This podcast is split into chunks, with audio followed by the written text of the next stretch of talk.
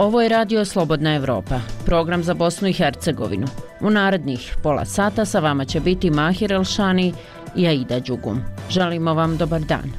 Četvrtak je 29. februar, vijesti dana. Sud Bosne i Hercegovine odbio molbu Solaka i Hođića za odgodu odlaska u zatvor u slučaju respiratori. Odbrana Fadila Novalića zatražila odgodu izvršenja zatvorske kazne, a Fahrudin Solak razriješen je s pozicije direktora Federalne uprave civilne zaštite odlučeno na hitnoj telefonskoj sjednici vlade Federacije Bosne i Hercegovine. Rade Grujić osuđen na šest godina zatvora za silovanje Bošnjakinje kod zvornika 1992. godine. U Banja Luci protesti roditelja djece s poteškoćama traže status roditelja njegovatelja. BHRT i Federalna radiotelevizija potpisali ugovor sa elektroprivredom BiH. Nastavlja se naplata RTV takse. Postignut dogovor o povećanju plata radnika komunalnih preduzeća u kantonu Sarajevo. Izmjene naziva ulica skinute s dnevnog reda Skupštine Srebrenice. Više od 30.000 ubijenih u Gazi, kažu iz ministarstva koje vodi Hamas. Predsjednik Rusije Vladimir Putin upozorio na rizik od nuklearnog rata ako Zapad pošalje trupe u Ukrajinu. Predsjednik Srbije Aleksandar Vučić izjavio kako nije upoznat da se Srbija nije usaglasila sa deklaracijom Evropske unije u kojoj se za smrt opozicionog ruskog lidera Alekseja Navalnog odgovornost pripisuje predsjedniku Rusije Vladimiru Putinu. Evropska unija spremna da pomogne Srbiji u reformi izbornog procesa. Komesar Evropske unije za proširenje Oliver Varheji izjavio da plan rasta može doprinijeti u dvostručenju privreda Zapadnog Balkana. Vrijeme sutra oblačno s kišom i lokalnim pljuskovima. Poslije podne dijelimično razvedravanje. Najviša dnevna temperatura od 10 do 16 stepeni. U emisiji, između ostalog, poslušajte. Prema izvještaju Freedom House-a, napredak sloboda je zabilježen u 21. državi. Međutim, sjenku na to bacio je veliki pad sloboda zabilježen u svim krajevima svijeta. Oružani sukobi i pretnje agresijom autoritarnih režima učinili su svet manje sigurnim i manje demokratskim, saopštili su iz Freedom House-a. Pored ratova, izborne manipulacije bile su među vodećim uzorcima globalne erozije slobode. U različitim oblicima, izborne manipulacije manipulacije i nasilje zabeleženo je u čak 26 zemalja. Rudarenje kod Mrkonjić grada zagađuje rijeke, a Dragica, mještanka iz sela Medna, kaže Imam tri duluma, ja mislim tri duluma, tu sam sjela baštu, čuvala stoku, Ra radilo je sve kao u Semberiji. A evo sad nemam gdje doći, nemam šta da vidim. Ostanite sa nama. Radio Slobodna Evropa, program za Bosnu i Hercegovinu. Roditelji djece s poteškoćama protestovali su Banja Luci zahtijevajući ukidanje kategorizacija roditelja u zakonu u dječjoj zaštiti Republike Srpske. Protesti su bili simbolično zakazani u 5 do 12, a iako su roditelji od donošenja zakona tražili njegove izmjene, zahtjevi nisu bili uneseni u izmjene zakona o dječjoj zaštiti usvojene krajem prošle godine. Izvještava Goran Katić.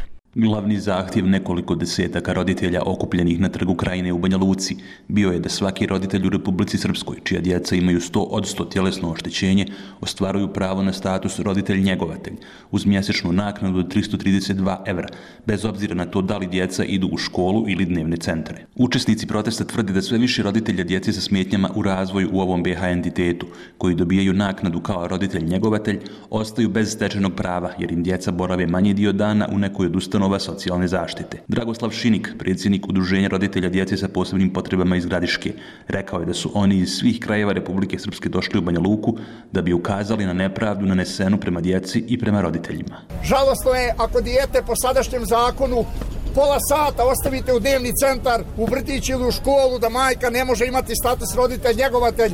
Ona je jednostavno roditelj njemu i kada je preko raspusta i za vrijeme godišnjeg odmora, znači ona je njemu čitav život njegovatelj. Prema važećim zakonskim rješenjima, roditelj njegovatelj može imati taj status do 30. godine djeteta.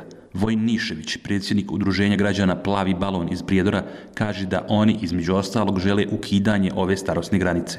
Sva ova djeca, naš, nebitno je su oni u kolicima, ali pokretni kao moj sin, zahtijevaju 24 časovnu pažnju.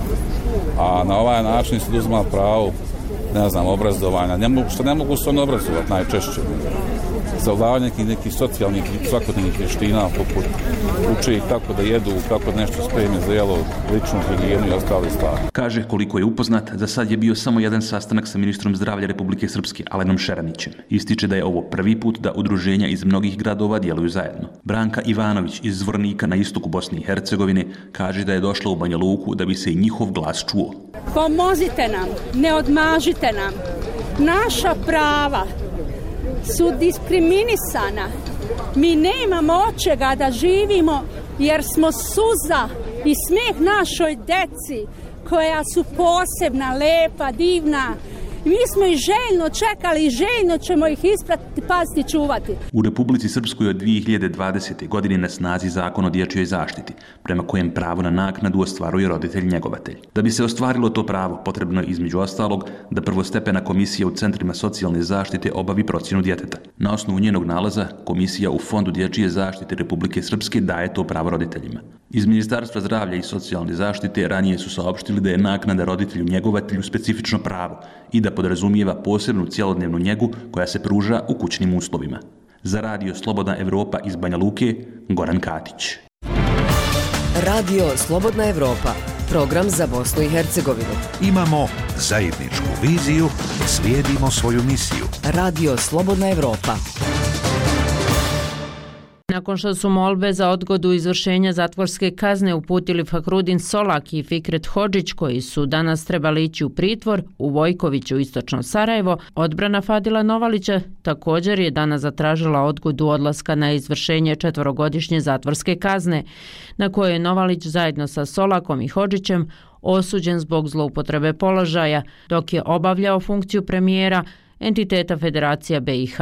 Više o izvještaju Melise Teletović. Bivši predsjednik vlade Federacije Bosne i Hercegovine Fadil Novalić je prema ranijem pozivu suda BiH na izdržavanje kazne u državnom zatvoru u Vojkovićima u istočnom Sarajevu trebao ići 6. marta. Njegova odrona je 29. februara također tražila odgodu. Iz suda BiH su za radio Slobodna Evropa potvrdili da su zaprimili molbu Fadila Novalića za odgađanjem izvršenja zatvorske kazne od 4 godine. I dok se čeka odluka suda BiH u vezi Novalićeve molbe, ranije je sud odbio molbe Fahrudina Solaka i Fikreta Hođića, koji su presudom suda iz 26. januara osuđeni na 6 i 5 godina zatvora. Svi su osuđeni u predmetu respiratori tokom pandemije COVID-19 pri javnoj nabavci medicinskih respiratora vrijednih 10,5 miliona maraka. Sud je odbio molbe za odgađanje izvršenja kazne zatvora za osuđene Fahrudina Solaka i Fikreta Hođića. Na odluku o odbijanju molbe za odgađanje izvršenja kazne zatvora, osuđeni imaju pravo podnijeti žalbu u roku od tri dana. Žalba odgađa izvršenje kazne. Prema zakonu o izvršenju krivičnih sankcija Bosne i Hercegovine, izvršenje kazne može se odgoditi najduže do šest mjeseci ako je osuđen ili uži član porodice obolio od teže bolesti, ako mu je preminuo uži član porodice ili ako je u pitanju hranilac porodice, ako ima neodgodiv posao te bi nastala neotklonjiva ili znatna šteta, te ako treba završiti školovanje ili ispite. Odgodu može tražiti osuđena majka dojlja ili trudnica do navršene godine djeteta. Inače, ranije je odbrana Fadela Fadila Nikolić najavila i podnošenje apelacije Ustavnom sudu Bosne i Hercegovine na presudu.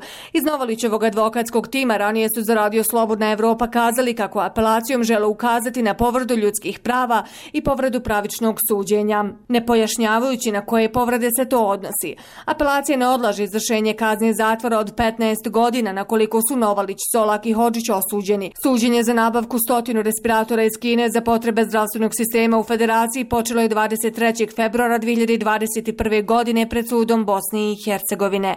Respiratori su kupljeni u aprilu 2020. godine, dan nakon proglašenja vanredne situacije zbog pandemije COVID-19. Za Radio Slobodna Evropa iz Sarajeva, Melisa Teletović. Slušate radio Slobodna Evropa. Suspendovani direktor Federalne uprave civilne zaštite Fahrudin Sola, koji je osuđen na kaznu zatvora u trajanju od šest godina u slučaju respiratori, razriješen je dužnosti direktora. Tu odluku donijela je vlada Federacije BiH danas na hitnoj sjednici, a u rješenju je navedeno da se Solak razriješava dužnosti direktora Federalne uprave civilne zaštite sa danom 26.1.2024. godine. Sud Bosne i Hercegovine osudio je Radu Grujića na zatvorsku kaznu u trajanju od šest godina zbog silovanja žene bošnjačke nacionalnosti u proljeće 1992. u selu Liplje kod Zvornika. Presudom je određeno i da osuđeni Grujić mora žrtvi silovanja isplatiti 10.000 maraka. Sutkinja Tanja Curović je u obrazloženju presude rekla da je sud van razumne sumnje utvrdio da je Grujić došao u kuću Sadete Salihović u kojoj su bili smješteni civili bošnjačke nacionalnosti, odveo oštećenu žrtvu u sobu, naredio je da se skine i silovao je, čime je počinio zločin protiv čovječnosti. Riječ je o prvostepenoj presudi na kojoj je dozvoljena žalba, a Grujiću je određen pritvor do pravosnažnosti presude. BHRT i Federalna radiotelevizija postigli su dogovor o nastavku prikupljanja sredstava od RTV takse, te je potpisan novi ugovor sa elektroprivredom Bosne i Hercegovine. Novac od RTV takse bit će prikupljan od 1. marta i bit će na računu elektroprivrede BiH, dok javni emiteri između sebe ne dogovore načine raspodjele novca. Emiteri imaju rok od 60 dana da dogovore svoje međusobne odnose Slobodna Evropa.org Budite online s radijom Slobodna Evropa. Tačka o promjeni naziva ulica u Srebrenici je na prijedlog odjeljenja za urbanizam skinuta sa dnevnog reda današnje sjednice Skupštine opštine Srebrenica. Bošnjački odbornici zadovoljni su ovom odlukom jer je promjena naziva ulica učinjena bez njihovog učešća u radu komisije. Smatraju da u prijedlogu novih ulica ima nekoliko spornih naziva. Odbornici danas nisu raspravljali o ovoj tački, ali je ostavljena mogućnost rasprave na nekoj od narednih sjednica. Javlja Sadik Salimović. Pred komisijom koja je davala prijedloge izmjena ulica bio je veliki posao, a u radu tog organa nisu učestvovali predstavnici Bošnjaka. I pred odjeljenjem za urbanizam bilo je dosta posla koji nije završen do početka sjednice Skupštine. Darko Grujičić, opštinski načelnik za urbanizam. Pa odjeljenje za prostorno uređenje treba da na osnovu rada komisije e, napravi sve e, pojedinačne odluke za svaku izmjenu naziva ulici. Odjeljenje na tome radi, nije e, završilo, to je obiman jedan posao, materijal nije spreman, bio sedam dana prije početka skupštini. Odbornika Almira Durića ohrabruje činjenica da se danas nije raspravljalo o ovoj tačke, ali na nekoj od narednih sjednica može biti ponovo na dnevnom redu. Ima mnogo drugih stvari o kojima treba raspravljati, napominje odbornik Almir Dudić. Već na narednoj sjednici, i to je i najavljeno, možemo očekivati ponovo te odluke na dnevnom redu. E, dakle, ja mogu izrasti zadovoljstvo da je to skinuto s dnevnog reda, ali i kako e, e, jako sam nezadovoljan da se s tim nije završilo, dakle da se nije da nije došlo do promjene mišljenja da u Srebrenice treba razgovarati i dogovarati da i Srbi i Bošnjaci trebaju zajedno donositi odluke, već će u nekom, dakle, u neku, u nekoj, na nekoj od narednih sjednica, vjerovatno sljedećoj ponovo ćemo imati te tačke dnevnog reda, što i tekako nije dobro. Ako na nekoj od narednih sjednica bude donijeta odluka o promjeni naziva ulica, to će biti novi udar na budžet građana Srebrenice, kaže Darko Grujičić, načelnik odjeljenja za urbanizam. A to naravno znači i promjena ličnih dokumenata gdje se pominje sama adresa i broj e, kući, odnosno stambenog objekta. Bošnjaci navode da su nezadovoljni izborom naziva ulica, ali načelnik opštine Mladen Grujičić napominje da nema spornih naziva. Nijedan naziv ulice nije provokativan, e, pažljivo je e, odabran i na osnovu javnog poziva, odnosno na osnovu predloga koji su morali da sadrže obrazloženje zašto se ta osoba predlaže ili ta, e, taj naziv ulice da bi moglo da prođe proceduru same samog rada komisije. Dakle, to su spekulacije da, da tu postoje nazivi ulica koji će da vređaju, koji će da budu usmjereni protiv nekog naroda. I to ćete sigurno vidjeti kada se posao dovrši do kraja. Mi imamo i sada neke nedomice oko nekih e, naziva ulica. Vjerovatno će to u ovom narednom periodu da se i koriguje i da se onda definiše jasno stav kako ulice treba da se nazivaju. Predsjednik Skupštine Salko Tursunović veliki je optimista. A nadam se da će prevladati razum da to više o tome se neće raspraviti. Za radio Slobodna Evropa iz Srebrenice Sadik Salimović. Slušajte program radija Slobodna Evropa. Profesionalno, informativno, zanimljivo. Najmanje 70 osoba ubijeno je u napadu na grupu palestinaca koji su čekali na humanitarnu pomoć u Gazi, čime je broj ubijenih od početka rata Izraela i Hamasa porastao na više od 30.000, saopštilo je Ministarstva zdravlja Gaze.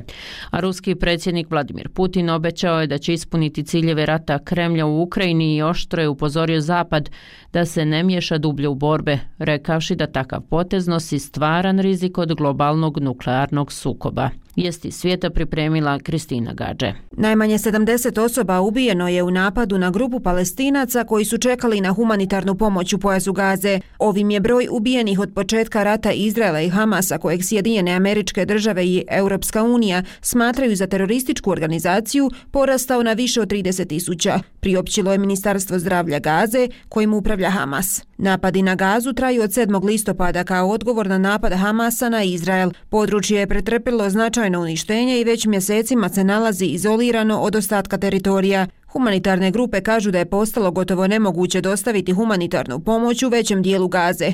Ujedinjeni narodi kažu da se četvrtina od 2,3 milijuna palestinaca u Gazi suočava s glađu. Kako navodi BBC, došlo je do dramatičnog porasta zaraznih bolesti i pothranjenosti, kao i općenite nestašice lijekova i nedostatka medicinske njege.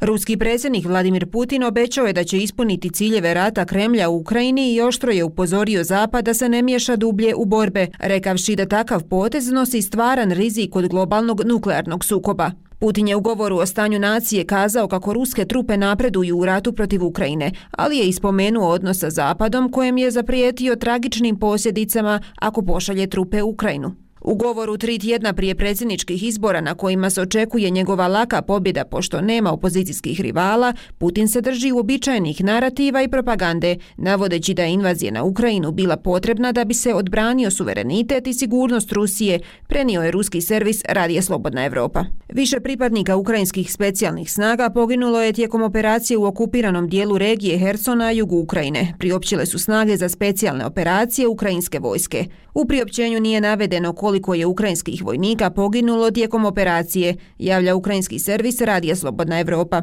Grupa ukrajinskih vojnika poginula je prilikom pokušaja da se učvrsti na Tendrivskoj prevlaci u sjevernom dijelu Crnog mora, blizu obale regije Herson. Prenosi ukrajinski javni servis Suspilne. Okupacijski službenici, kako prenose ruske novinske agencije, rekli su da su ruske snage uništile grupu ukrajinskih diverzanata dok su pokušavali da slete na Tendrivsku prevlaku. Poginuli vojnici su pripadali 73. mornaričkom centru snaga za specijalne operacije Ukrajinske vojske, koji je učestvovao u operaciji oslobađanja Zmijskog ostrva 7. srpnja 2022. godine. Novi saziv Donjeg doma Pakistanskog parlamenta održao je svoju prvu sjednicu na kojoj su novoizabrani poslanici položili zakletvu tri tjedna poslije izbora koje su obilježile optužbe o krađi. Donji dom parlamenta Narodna skupština izabraće novog predsjedavajućeg i njegovog zamjenika 1. ožujka, dok će premijera birati 4. ožujka. Na glasanju 8. veljače kandidati koje je podržavao bivši premijer Imran Khan koji je u zatvoru osvojili su većinu mjesta, ali nisu dobili dovoljnu većinu potrebnu za formiranje vlade. Khan koji je bio premijer od 2018. do 2022. godine i dalje uživa ogromnu popularnost, ali je u zatvoru pošto je osuđen po brojnim optužbama za korupciju i neće moći obavljati javnu funkciju narednih 10 godina. Za Radio Slobodna Evropa, Kristina Gađe. Zanima vas što se dešava u regiji? Radio, TV, video. Sve možete naći na slobodnaevropa.org. Prema izvještaju Freedom House-a, napredak sloboda je zabilježen u 21. državi. Međutim, sjenku na to bacio je veliki pad sloboda zabilježen u svim krajevima svijeta. Srbija je uz Rusiju jedina evropska država koja se nalazi na spisku zemalja u kojima se bilježi najveći pad sloboda u protekloj godini, pokazao je izvještaj Freedom House-a. A u društvu sa Srbijom su i Bosna i Hercegovina, Mađarska, Rusija, Turska, Poljska. Više o tome poslušajte u prilogu Ive Gajić. Oružani sukobi i pretnje agresijom autoritarnih režima učinili su svet manje sigurnim i manje demokratskim, saopštili su iz Freedom House-a. Posebno su se usvrnuli na rusku invaziju na Ukrajinu koja je počela 24. februara 2022. Istakli su da se sve više narušavaju osnovna prava u okupiranim ukrajinskim područjima, kao i da je zabeležen ozbiljan uticaj na ionako malo slobode koje je ranije postavljeno postojala u Rusiji. U fokusu izveštaja je i Hamasov teroristički napad na Izrael 7. oktobra u kojem je ubijeno oko 1200 ljudi, a za koji se navodi da je uništio osjećaj sigurnosti Izraelaca u njihovim domovima. Izraelska vojna kampanja koja je usledila u pojasu Gaze, mestu koje je već bilo među najmanje slobodnim na svetu, dovela je do toga da je do kraja godine 1,9 miliona ljudi raseljeno, a umrlo oko 20 22.000 ljudi, istaknuto je u izveštaju. Pored ratova, izborne manipulacije bile su među vodećim uzorcima globalne erozije slobode. U različitim oblicima izborne manipulacije i nasilje zabeleženo je u čak 26 zemalja. Kao primjer ozbiljne pretnje demokratiji i izbornim procesima ističu nejednake uslove za opoziciju uspostavljene dugo pre samih izbora. Kategorisana kao delimično slobodna zemlja, Srbija je uz Rusiju jedina evropska država koja se nalazi na spisku zemalja u kojima se beleži najveći pad u protekloj godini. Srbija je zadržala i status jedne od zemalja sa najznačajnijim padom u posljednjoj deceniji. U tom društvu su i Bosna i Hercegovina, Mađarska, Rusija, Turska, Poljska. Kako je za glas Amerike objasnila ekspertkinja Freedom House za Balkan Aleksandra Karpi, jedan od razloga za pad Srbije jesu upravo izbori i manipulacija rezultatima. Neki od drugih faktora uključuju opadajuću transparentnost posljednjih godina.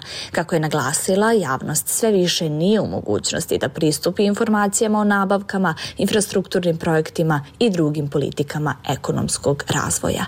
Kao treći razlog za pad sloboda u Srbiji navela je pad indikatora privatnih debata koji je bio rezultat brutalnog omaložavanja opozicionih političara kao i drugih kritičara režima. U intervju za Glas Amerike Aleksandra Karpi je istakla da je Crna Gora jedna od zemalja sa najvećim poboljšanjima u Evropi ove godine uz Češku. Kako je pojasnila, opozicija je ojačala, a bivši predsjednik Milo Đukanović izgubio je na izborima posle više decenijske vladavine. Upravo to je primetno pomerilo zemlju ka demokratičnijem okruženju. Kosovo je napredovalo u proteklim godinama, što pokazuju i rezultati kada je reč o zaštiti ljudskih prava i sloboda i efikasnijim političkim procesima koji postiču učešće građana.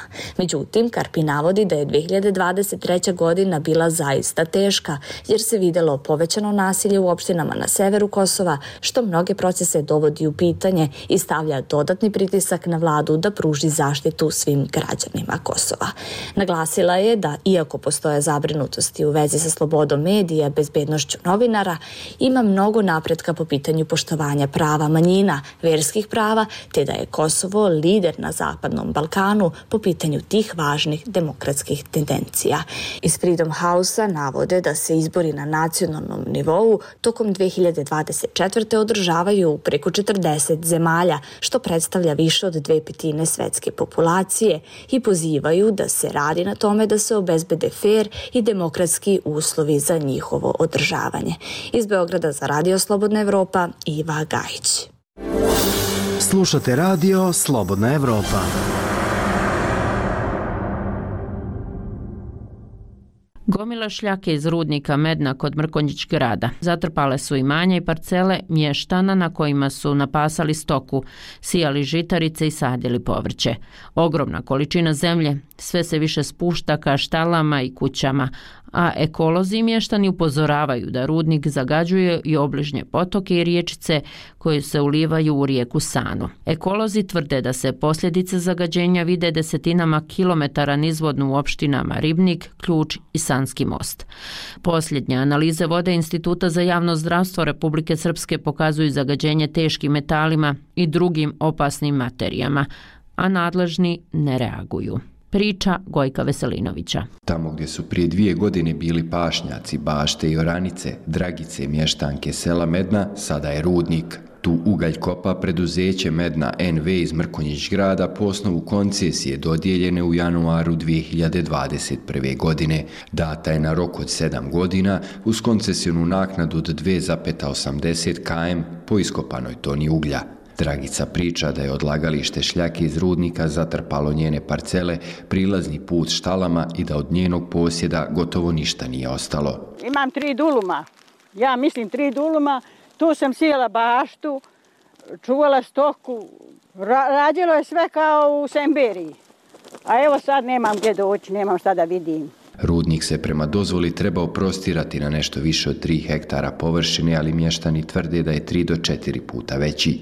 Dragica kaže da su pod zemljom ostale i njene parcele za koje nije obeštećena. Malo su nešto obeštetili, ali to je svega vrlo malo, a ove dolje glavne ovaj parcelu što smo sijali i radili, još nije ovaj obeštećeno ni ono koliko su obećali. Mi jedni moramo pristajati na koliko toliko kad vidimo da odnio đavo i zemlju i, i naše imanje i naš posjet. Kroz rudnik protiče nekada bistri potok Grabovica, iz kojih su mještani uzimali vodu i napajali stoku. On se direktno ulijeva u riječicu Medljanku, pritoku Sane. Sergej Milanović, nezavisni odbornik u Skupštini opštine Mrkonjić grad, kaže da je potok teško zagađen. Unazad godinu dana potok Grabovac je zamutio, zamutio Medljanku e, cijelom svojom dužinom kroz e, selo Mednu, Okanđije, e, pa do Ribnika i Ključa, primijećena je neprirodna zamućenost vode. Uticaj rudnika osjeti se 50 km dalje u Ribniku, tvrde mještani. Neđo Stanišić i Vinko Savić više od 50 godina su svakodnevno sa ribarskim štapom na obalama Sane, na kojoj kažu vide posljedice zagađenja. Ona se povrino kad, kad su padavne muti, ali se to prođe.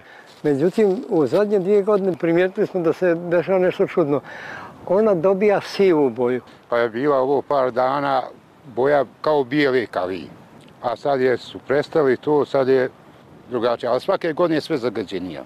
Na zahtjev ekoloških udruženja asocijacije Greenways Gornja Pecka i Centra za životnu sredinu Banja Luka u februaru je urađena analiza kvaliteta vode u ušću potoka Grabovica u Medljanku te ušća Medljanke u Sanu. Nataša Mazalica, udruženje građana Greenways. Grabovac koji e, sapira praktično zagađenja, e, prolazići kroz rudnik, e, uzima teške metale, potom se ulijeva u rijeku Medljanku koja je u tom slučaju onda potpuno zagađena od uh, ušća Grabovca u Medljanku do ušća Medljanke u Sanu. Neđo Stanišić, koji je predsjednik Udruženja sportskih ribolovaca Ribnik, zabrinut je za zdravlje ljudi koji žive uz ove vodotokove. Zamislite da li se može jesti riba iz ove rijeke? Mogu li se kupati u ovoj rijeci? Imaju ljudi ovdje poljoprivredna imanja, imaju njivu, imaju voće pored. Sana je rijeka koje, koja se izliva. Izlije se, pa hoće li kad se izliva, hoće li ostati teški metal, hoće li ući u voće? Dostupne baze podataka o poslovanju kompanija u BiH pokazuju da su računi kompanije Medna NV u blokadi, a jedini prikazani prihod je iz 2022. godine od oko 2 miliona KM. Iz kompanije nisu odgovorili na upit radija Slobodna Evropa o optužbama za kršenje ekološke dozvole i zagađenje vodotoka. Za zaštitu životne sredine nadležno je Ministarstvo prostornog uređenja, građevinarstva i ekologije, iz kojeg su odgovorili da investitor ima sve potrebne dozvole za rad, uključujući i ekološku dozvolu pribavljenu u decembru 2022. Investitoru su ekološkom dozvolom naložene stroge mjere zaštite životne sredine i to svih segmenata, voda, zemljišta, vazduha, flore i faune, zatim mjere zaštite od buke, odobren je plan upravljanja otpadom, koji podrazumijeva i postupanje sa jalovinom, te propisane mjere rekultivacije tokom i nakon iskopavanja rude. Sergej Milanović tvrdi da su nadležni na sve ovo i dalje nijemi. Ono što je poražavajuće jeste da lokalna zajednica, e, nadležno ministarstvo, inspekcijski organi ne čine ama baš ništa e, da bi spriječili nelegalan rad rudnika. Nataša Mazalica, Udruženje građana Greenways. Mi smo nekoliko puta poslali dopise inspekcijskim organima, međutim nismo dobili adekvatne odgovore i evo i do dan danas zapravo vidimo da investitor i dalje zagađuje. Inspektorat Republike Srpske nije odgovorio da li su postupali po prijavama mještana i ekoloških udruženja. Za radio Slobodna Evropa iz Banja Luke, Gojko Veselinović. Slušali ste emisiju Radija Slobodna Evropa za Bosnu i Hercegovinu. Sve naše sadržaje možete naći na web stranici slobodnaevropa.org.